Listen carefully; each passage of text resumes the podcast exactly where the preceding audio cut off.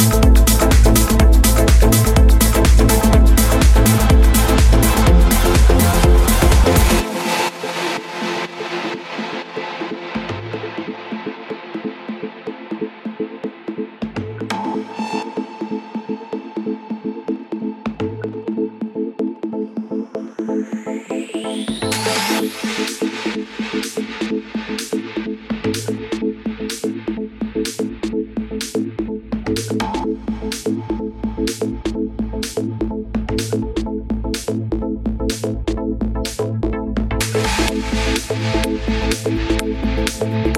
can